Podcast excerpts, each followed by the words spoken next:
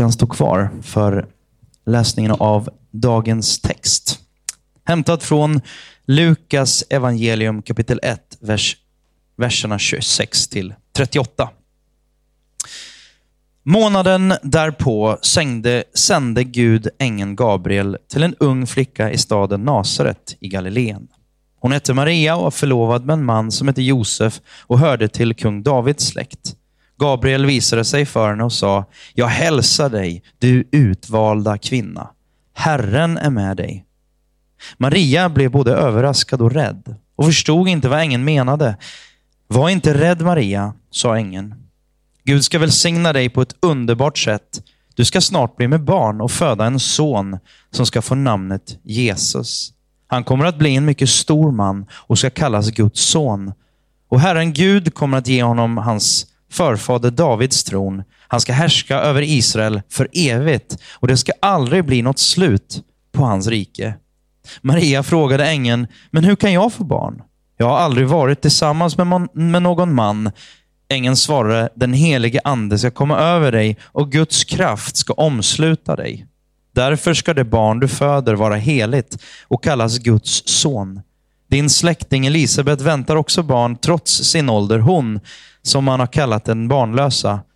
För Gud håller alla sina löften. Maria sa, jag är Herrens tjänarinna. Jag vill göra som han önskar så att hans plan kan bli verklighet. Sedan försvann ängeln. Det är Guds ord. Varsågod och sitt. Hejsan! Linda Stenmark heter jag för eh, dig som ännu inte träffat mig. Jag och Daniel, vi är pastorer här i United och det är eh, alltid så spännande att få stå här eh, och att ha förberett sig mycket för en text och sen få komma hit och bara vara helt uppfylld av det. Jag är väldigt... Eh, alltså jag känner att det här ska bli kul alltså. Det är, det är så här att vi utgår ifrån den apostoliska trosbekännelsen nu. Och då handlar det inte om att vi som predikar bara drar upp våra triumfkort och, och kör våra favoritpredikningar, utan det här blir mer rättvist åt folket, att nu går vi systematiskt igenom och eh, och jag har fått eh, del sju, vi tror på inkarnationen. Och den delen som vi läste här tidigare, som vi ska gå igenom idag, är vi tror på Jesus Kristus som blev till som människa genom den heliga anden, föddes av jungfrun Maria. I måndags så blev jag riktigt kass. jag var så sjuk. Jag ska inte gå in på fler detaljer, för det kommer inte du må bra heller. Men på tisdagen började jag kvickna till och hasade mig kring eftermiddagen ner till soffan på nedervåningen och slog på tvn. Jag ville få lite kontakt med resten av världen där ute. Eh, och då satte jag på eh, en inspelning som vi hade gjort innan på The Bible som jag inte hade sett. Eh, och det är ju fascinerande med de här tv-serierna. Det är mycket som kan kännas autentiskt. Men det här alltså med Jesus-gestalten, det är ofta eh, liksom svårt att få, få till bra. Eh, och på något sätt, jag är inte här att stå och kritisera så, jag vill inte såga något, men mer bara förtydliga utmaningen vi har som människor.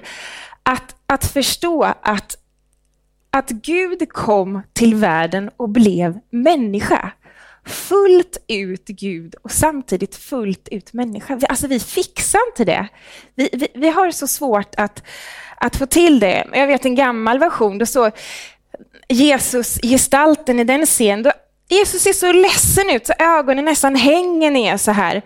Och sen rör sig lite långsamt. Jag vet inte om det ska vara för att man ska fånga det heliga på något vis, men det blir han lite skrupplig, blir lite så försiktig. Men Jesus från Nasaret, han var ju grovarbetare, han var hantverkare, han måste jobbat. Alltså han var ju, det var ju det var inte riktigt så här polerade naglar, det var inte riktigt läget för, för Jesus eh, från Nasaret. Eh, sista versionen jag såg, då har han, det var riktigt så här från Head and Shoulders eh, hårreklam. Alltså de hade stylat honom så snyggt och lockarna låg perfekt. Och den här liksom lite märkliga blicken och glansen i ögonen när han pratar. Men när Gud kom till världen och blev människa, han såg ut som precis vem som helst. Han var inte den som såg mest hippielik ut i byn. Det var inte så. Han hade inte längst hår av grabbarna.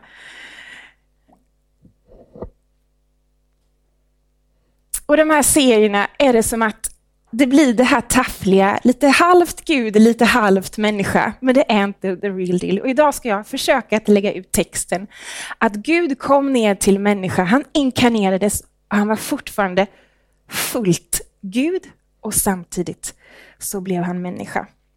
Och det är författaren Lukas som har skrivit den här texten som Daniel läste. Jag tycker det är intressant att det är just Lukas. Han var oerhört välutbildad. Han var, han var läkare, han kände till det här med biologin och det är han som får skriva om jungfrufödelsen. Och punkt ett, inkarnationen. Det är Gud som tar initiativet och kommer till oss. Och Det här säger faktiskt en hel del om vem Gud i himlen är. Och vi backar tillbaka till texten som Daniel läste tidigare här och vi läser verserna 26 till 30. Månaden därpå sände Gud ängeln, där ser ni initiativet, sände han ängeln Gabriel till en ung flicka i staden Nasaret i Galileen. Hon hette Maria och var trolovad med en man som hette Josef. Han hörde till kung Davids släkt. Gabriel visade sig för henne och sa, jag hälsar dig, det utvalda kvinna. Herren är med dig. Det låter väl pampigt? Det står att Maria blev både överraskad och rädd och förstod inte riktigt vad ängeln menade. Jag förstår henne. Var inte rädd Maria, sa ängeln. Gud ska välsigna dig på ett underbart sätt. Genom hela Bibeln så ser vi att det är Gud som är initiativtagare. När det sker något speciellt i historien, när det händer. Det är Gud som är initiativtagare. Och det här är så skönt att för dig och mig, när man inser vad det innebär. Att det handlar inte om att jag måste ha bättre pli på, på mig själv. Det handlar inte om att okej, okay, nu måste jag bara fixa till mig själv innan jag kan försöka sträcka mig upp och, och försöka nå Gud. Utan Gud, han är alltid initiativtagare. Han steg ner till oss, kom ner på vår nivå. Och det hittar inte du i någon annan religion. För det handlar om att du måste jobba på dig själv så det blir lite bättre så du, sen så att du har mage och vågar lyfta dig upp och försöka nå någonting av det gudomliga där uppe. Han väntade inte på att vi skulle bli mer gudaktiga, utan han kom ner medan vi ännu var syndare och fiender, om jag får använda det, eh, det ordet. För det var ändå så att vi hade inte gjort upp någonting med det vi eh, eh med vårt förhållande till Gud, utan det var han som var initiativtagare.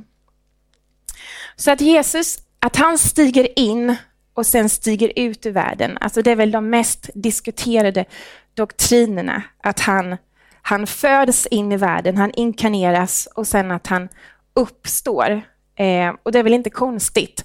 De är ju inte av den vanliga typen, får man väl säga. Och hela världshistorien snurrar kring Jesus Kristus, kring inkarnationen. Det finns ett före inkarnationen, det finns ett efter. Vi säger 2000 före Kristus. Vi lever idag 2014, 2014 år efter Kristus. Viktor pratade här om inkarnationen också för ett par veckor sedan. Då kom du in på det och pratade om just det latinska ordet. Och har ni glömt er latin sedan den veckan så ska jag bara påminna om att inkarne, det betyder ju kött. Och det är alltså ett slags förkötsligande. Att Gud kom till världen, han blev alltså förkroppsligades. Och jag ser det lite som när man som förälder, man, man sätter sig ner på man sätter sig ner mitt i röran i kaoset av alla legobitar, hittar en plats och kommer ner på, på samma nivå som Ville när han sitter där och leker. Att jag kommer ner. Och jag tycker det jag bara blir så fascinerad av Gud. Jag blir också fascinerad av, av ledare som är så stora, de är så trygga i sig själv att de inte har några problem att bara lägga bort sin position. Det handlar inte om att jag ska, nu ska jag markera, nu ska jag hävda, nu ska jag pinka revir. Det här är jag och jag är högt uppsatt. Utan jag har sån respekt för ledare alltså, som bara kan lägga det åt sidan. Jag kommer ner på din nivå, här möts vi, här kan vi ha en dialog. Och eh, där har vi ett fenomenalt föredöme i Gud. Jag vet att när jag har tjafsat hemma med eh, Daniel, händer då och då, så saknar jag ofta storheten i att ta initiativet eh, själv och klara ut, nu reder vi ut det här, eh, vi ber om förlåtelse. Skulle det vara så att det mot all förmodan är Daniels fel, eh, då är det ännu mer ointressant. Då är det absolut på hans bord att se till att nu får ju han lösa det här. Men Gud, han tar initiativet till den röran som vi har ställt till med. Och han reder ut det som har blivit fel. Om vi tittar lite på Maria då. Man tror att hon var 14, 15, 16 år när, när hon fick det här sändebudet ifrån himlen. Hon var förlovad med Josef. Och på den tiden var det inget ovanligt om man var förlovad vid den här åldern. Eh, som tonåring levde man, hade en helt annan roll med en helt annan ansvarsbild än vad eh, en jämnårig har i, i vårt samhälle idag. Så det var inget konstigt med det. Men hon blev utvald. Eh, och allt som är dokumenterat om den här personen, Maria, så blir det väldigt tydligt att hon hade en, eh, hon hade en, en gudstro eh, på Gud i himlen och hon var uppenbarligen en väldigt fin tjej. Men det var egentligen inte något märkvärdigt med den här Maria. Och det är så mycket Gud. Han gör precis som han vill. Han väljer vem han vill, oavsett vad de har för förutsättningar. Det är vår Gud. Och det är väldigt skönt. Så Maria hon är inte huvudpersonen här, utan det är faktiskt Gud som ändå är huvudpersonen när vi pratar om inkarnationen och jungfrufödseln. Eh, sen har man ju lyckats att eh, vända så att det är Maria som är så fantastisk, att hon har någonting gudomligt i sig och det blir väldigt tragiskt, för man kan inte se det. Maria själv hon var väldigt medveten om att hon inte hon var speciellt märkvärdig.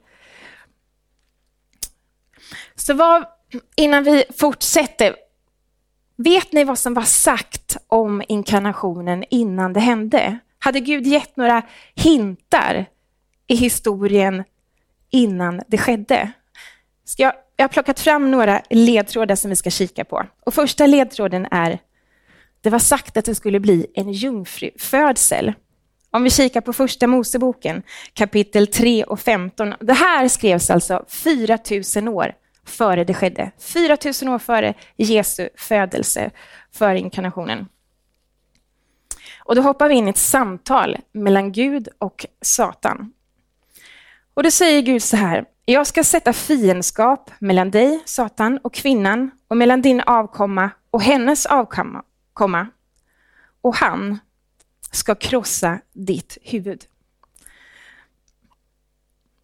Det här med en kvinnas avkomma, i en annan översättning står det en kvinnas säd. Vad är det för märkligt med det? Jo, det märkliga är man kan inte använda den vokabulären. Man talar inte så, man kan inte säga hennes säd eller hennes avkomma. Man talade alltid om manlig avkomma, det var från man till man. Eh, och det var mannens säd, inte kvinnans säd. Så att man här säger i, i kvinnlig form, det är helt uppenbart, för liksom, du kunde inte uttrycka det så, att här var det ingen manlig, fanns ingen människa, ingen man som var involverad i det här, utan här finns ett tecken, tecken på jungfrufödelsen.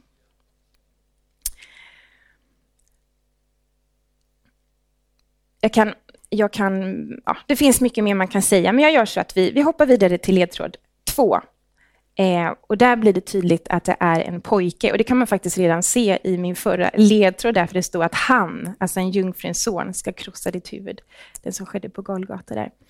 Men Jesaja 7 och 14, det skrivs 700 år före Kristus. Eh, 700 år före Jesu födelse. Och då står det så här, därför ska Herren själv ge er ett tecken. Se, jungfrun ska bli havande, så då har vi jungfrufödelsen där, och föda en son, där har vi det, och hon ska ge honom namnet Immanuel. Och vet ni vad namnet Immanuel betyder? Gud med oss. Va? Det är så vackert, man bara ser bitarna hela tiden. Gud med, Gud med oss. Så han skulle vara född av en jungfru. Det skulle vara en jungfrufödsel. Personen skulle vara en pojke som föddes. Och ledtråd tre, födelseorten skulle vara Betlehem. Och vi går till Mika 5 och 2. Och det här skriver också kring samma tid, 700 år före Jesu födelse. Men du Betlehem, som är så liten bland judatusenden, från dig ska det komma en som ska härska Israel. Hans ursprung är före tiden, från evighetens dagar. Det var inte Nisse Nilsson man pratar ut, utan man pratar om en person vars ursprung är före tiden, från evighetens dagar.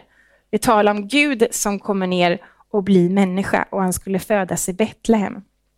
Sista ledtråden som jag plockat fram, nummer fyra, det är att födelsen ska ske före år 70 efter Kristus.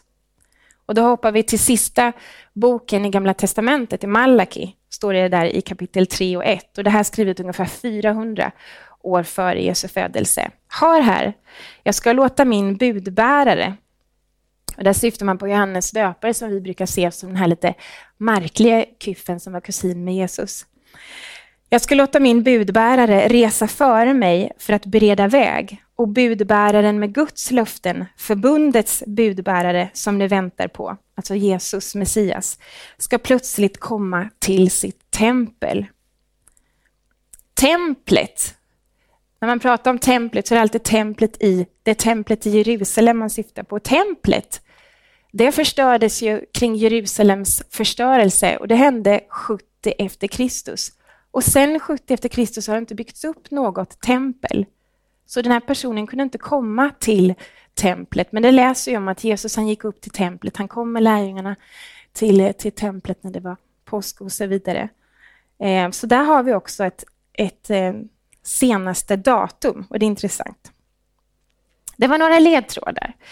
Eh, om vi kikar på jungfrufödelsen då. Varför, varför var det så viktigt att, att det nu var en jungfrufödelse? Kan vi inte bara säga ah, hur det nu hände? Eller...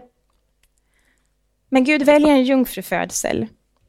Och Svenska kyrkans nya ledare, ärkebiskopen Antje Jacquelén, eh, innan hon valdes så var det en diskussion det blåste till lite, för hon hade uttalat sig väldigt luddigt där om att just kring jungfrufödseln, och det skrevs i alla möjliga tidningar och även Svenska Dagbladet och DN hade det här på, på tapeten, när hon sa att den, här, den biologiska biten kring jungfrufödseln, den är inte så viktig, utan det var ju en mytologisk term för att visa att det var något extraordinärt som, som hände. Ja, om nu jungfrufödseln inte, om det inte var en jungfrufödsel om det är en lögn, då är ju också Bibeln en lögn. För det står väldigt tydligt att det skulle ske en jungfrufödsel. Nu kommer jag ge ett par, par bibelord, men det här är någonting som vi inte har tid att, att läsa i detalj. Men skriv gärna upp det så kan ni läsa det under veckan eh, när ni är hemma. Första Mosebok 3.15 kikar vi på, Matteus 1.18. Ifrån texten som vi läser idag, Lukas 1.26, är det också tydligt att det är en jungfrufödsel. Och om jungfrufödseln är en lögn, så att den helige Ande alltså inte involverad i det här, då blev ju Jesus till av två människor. Om Jesus blev till av två människor innebär det att han endast var 100% människa, men inte Gud. Det innebär att Gud aldrig inkarnerades i människa. Johannes 1 och 14. Och det är ju allvarligt. För om jungfrufödseln är en lögn och Jesus var människa, då innebär det att han inte var syndfri. Om Jesus inte var syndfri, då innebär det att vi plötsligt inte har några goda nyheter. Då finns det inte något evangelium. För då har vi inte den här ställföreträdaren. Det behövde ju vara någon som kom ner och tog, eh, tog det straffet som mänskligheten hade dragit på sig. Någon som var helt sinfri. Så allt faller om det här inte är sant. Och det är ju bra att ha koll på. Jag läste en liten intervju i DN med Göran Arnqvist. Nu är inte det här mitt, eh, det här är inte min expertis så, men han är professor i zoekologi vid Uppsala universitet. Han är expert på evolutionsbiologi. Och det är ju så att jungfrufödslar, det sker ju i eh, det sker ju i djurriket, inte minst bland insekter och enklare ryggrads, ryggradslösa djur som bladlöss till exempel.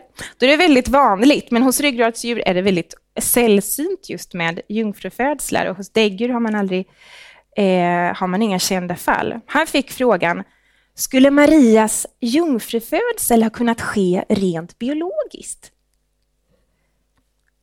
För det kan ju finnas någon som tänker då, ja men det kanske ändå inte var så att det var den heligande som var involverad. Det kanske ändå kunde ske biologiskt i och med att vi kan se det i djurriket. Då svarar Göran Arnqvist så här. Inte alls. Människor som har problem med en enda gen blir ofta mycket sjuka om de alls överlever. Människor har 23 000 gener och problem på alla inprintade gener går inte. Det skulle ni förstå om ni hade läst hela artikeln i sin helhet, vad det innebär. Men eh, summa summarum är att dessutom skulle Jesus av biologisk nödvändighet ha varit en kvinna, för att man föder bara döttrar. Eh, eh, enligt detta. Så, och det är ju väldigt uppenbart att Jesus inte var kvinna, så jag tycker det var skönt att vi kunde avskriva det här och gå vidare. Ja? Och vi hoppar in i punkt nummer tre, eh, inkarnationen en osynlig Gud blir människa.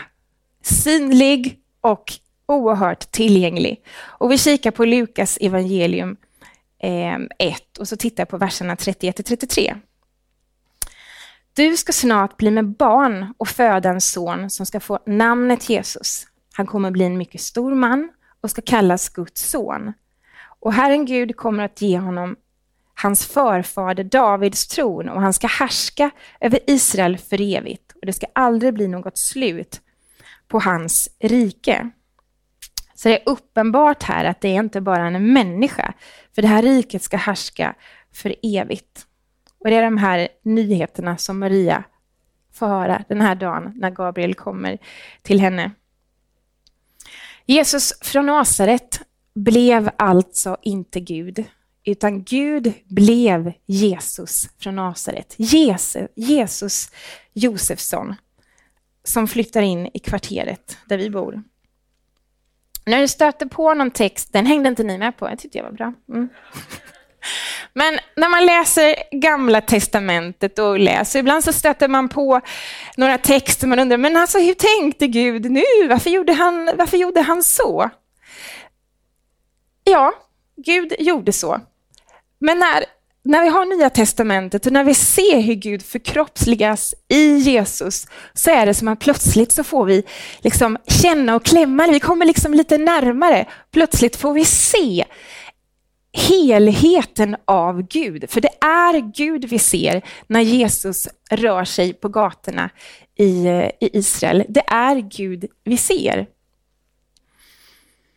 Vi ser hans karaktär, vi ser hans vilja, vi ser hans personlighet, vi ser hur han interagerar med människor, vi ser hur han attraherar människor och vi ser samspelet man har. Och det, att tänk, det är Gud som rör sig där. Han är fullt ut Gud, men han är fullt ut människa. Och man kan lära sig så mycket av Gud i himlen genom att se hur Jesus, hur Jesus var under de här 33 åren på jorden. Och vi, vi pratade om eh, treenigheten här för några veckor sedan. Ehm, för ibland så det finns de som säger, men jag har inte svårt att förhålla mig till Jesus. Alltså han, han var jag menar, han gick här i våra skor, liksom. han, han, han vet hur jag känner. Men Gud, han är så långt bort, han, han bara så, det är sån distans. Med Jesus känner jag, honom kan jag be till. Du behöver inte känna så, eller jag skulle säga du ska inte känna så. För att Gud i himlen kom ner och blev människa. Han har gått i våra skor. Det finns ingen skillnad där. Vi kan inte separera Jesus från Gud, för Jesus var Gud och människa. Och genom inkarnationen så kan vi också se som människor vad det innebär att vara människa fullt ut. Hur är det möjligt? Gud var ju ändå Gud, ja, men han var också fullt ut människa.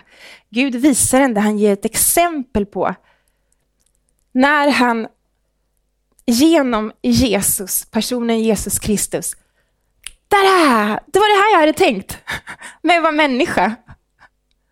Det var det här jag hade tänkt. Så vi kan lära oss så mycket av Jesus Kristus i att, att vara människa genom att titta på honom. Och, där, och då blir ju plötsligt det här begreppet att bli Kristus likt, ett begrepp som man hittar i, i Bibeln som är åt, återkommande om eh, en målbild som, som Gud har gett oss eh, för dig och mig som, som har en tro på Jesus och eh, att, att vi ska ha en målbild av att bli mer lika honom. Och det kan ju kännas lite så här, vadå liksom, ska jag bli, jag menar jag är ändå människa och eh, hallå? Ja, ja, du är människa. Men att bli Kristuslik betyder ju inte att bli mindre människa eller att bli mindre mänsklig.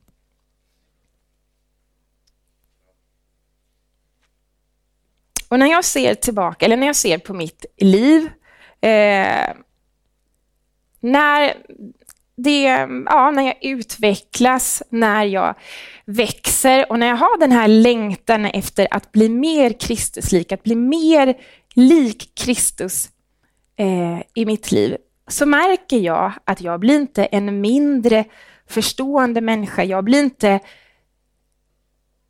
ett mer ufo än jag var innan. Eller? Jag blir inte mer världsfrånvänd, utan istället ser jag att ju mer jag önskar bli lik Jesus Kristus, så växer min empati. Jag får ett större intresse av min omgivning. Jag blir lite mindre uppfylld av mig själv och mitt eget. Och mitt intresse och mitt engagemang växer faktiskt för världen runt omkring. Sådan är Gud. Så inkarnationen, hur Gud kommer ner, osynlig Gud blir människa som blir ännu mer synlig, ännu mer tillgänglig för oss. Fjärde och sista punkten. Inkarnationen visar Guds plan för dig och mig. Så nu kommer vi plötsligt ännu, ännu närmare. Det är det här jag gillar, att allt Gud gör, det är, liksom, det, det är inte där borta, utan det kommer till mig och hela inkarnationstanken, det kan komma oss så nära. Och vi tittar på verserna 34 till 38 i dagens text. Maria frågade ängeln, men hur kan jag få barn? Jag har inte varit tillsammans med någon man. Och ängeln svarade, den helige Ande ska komma över dig och Guds kraft ska omsluta dig. Därför ska det barn som du föder vara heligt och kallas Guds son. Och din släkting Elisabet, hon väntar också barn trots sin ålder. Hon som man har kallat för den barnlösa. För Gud håller alla sina löften. Och Maria sa, jag är Herrens tjänarinna. Jag vill göra som han önskar, så att hans plan kan bli verklighet. Maria, 14, 15, 16 år, hon kan ju inte haft någon aning om vad som väntade. Men hon förstod att Gud hade en plan. Och hon förstod att hon var på något vis involverad. Hon var del av den planen.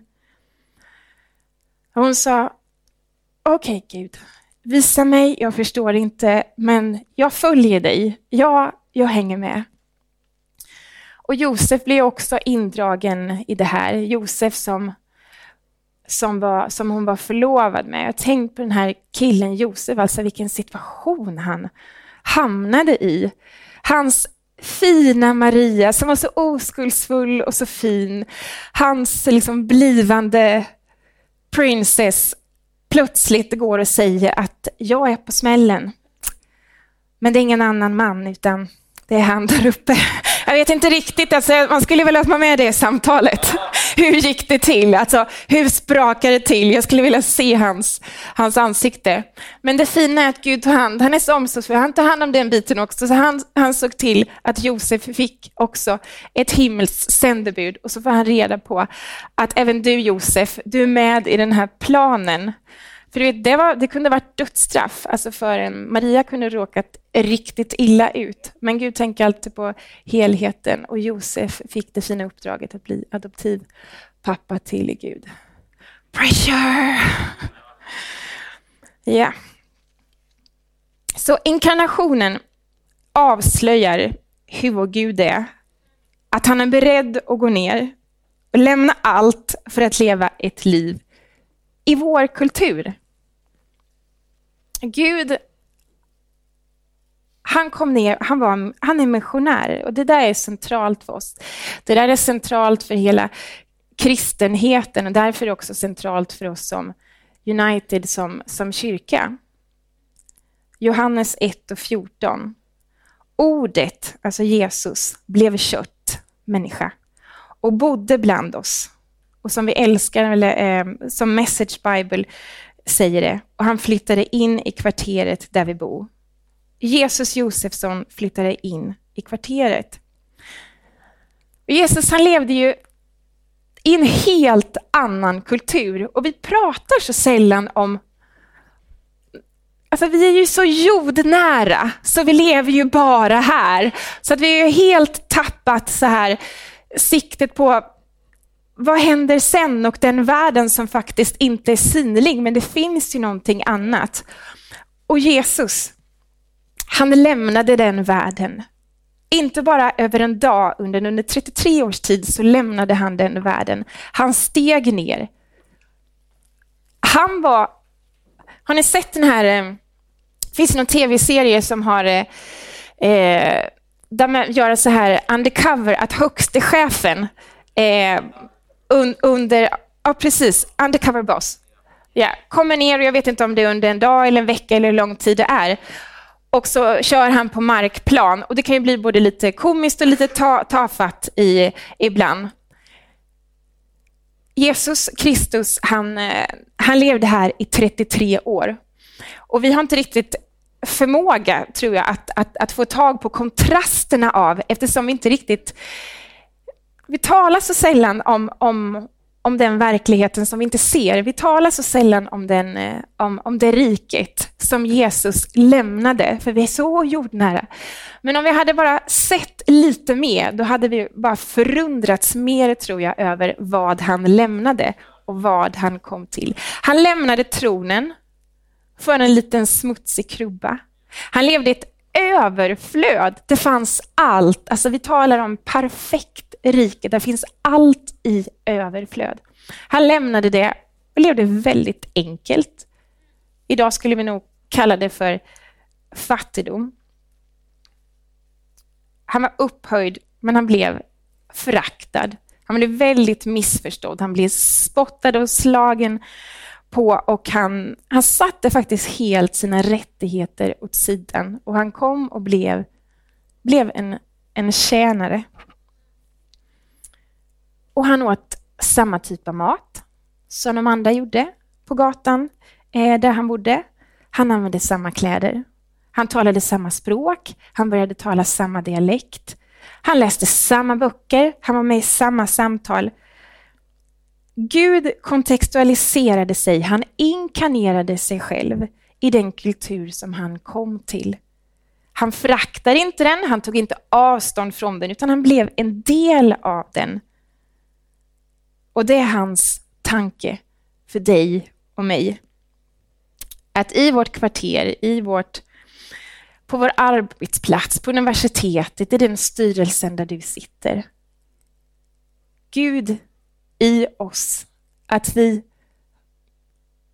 lever ut evangeliet med våra liv, att vi är hans händer och hans eh, fötter. Och jag är, så, jag är så glad, vi hade en samling här tidigare och Daniel talade lite just om eh, att jag är väldigt glad över där där vi är som, eh, som kyrka. Vi har pratat väldigt mycket om det här. Och du som sitter här, vi har lite olika bakgrund, men jag är väldigt glad över att vi får tag på någonting av detta, för det är så dyrbart.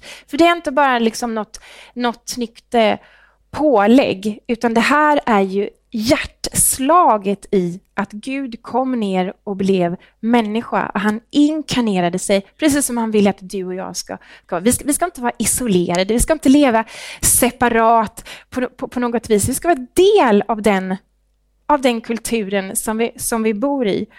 Eh, och jag ler när jag läser, när jag läser Bibeln, när jag läser beskrivningarna av, av vår Gud i Jesus Kristus, hur han rörde sig eh, bland människor. Var, han kom in i varje rum. Han kom in i varje rum. Och det är hans tanke och plan för dig och mig, för hans kyrka. Och Gud förlorade inte sig själv när han kom ner och blev människa. Han blev inte mindre Gud för att han blev fullt ut människa också. Och det ska inte du och jag heller bli. Vi ska inte bli mindre människor. Som någon sa, men gör som Gud, bli människa. Och ibland så tror jag vi konstlar till det. Men genom Jesus Kristus så kan vi se att, hallå, hjälp mig, jag kan inte riktigt reda ut det här. Jag, eh, ja, men du är ett exempel för mig. Hjälp mig att förvandlas inifrån och ut. Så Jesus han ger ett exempel hur vi kan leva och så känna den kultur som vi lever i.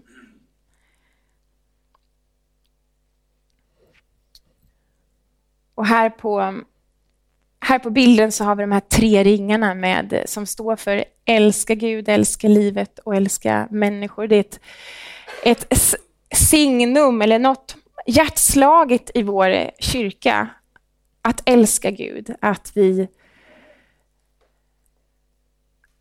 på något sätt gensvara, för det var han som älskade oss först. Gud älskade oss först och han är värd allting och därför vill jag älska dig Gud tillbaka. Att älska livet, att älska den kultur, det, det, det sammanhang som jag står i och vara del av det, engagera mig, vara intresserad och vara... Det är tanken. Och sen också älska människor. Det slutar inte med att jag bara Oh, this is good, alltså I'm enjoying life. Utan det finns, det finns någonting mer, att det ger någonting till mig som gör att jag har kraft att ge vidare. Eh, att vara en, en del i mitt samhälle och eh, göra gott och vara ett, vara ett exempel. Det var dagens predikan om inkarnationen, hur Gud kom ner och blev människa. Vi tror på inkarnationen. Inkarnationen, när Gud tar initiativet, han kommer till oss. Han väntar inte på oss eller att vi ska bättra på oss, utan han initierar någonting och kommer ner på vår nivå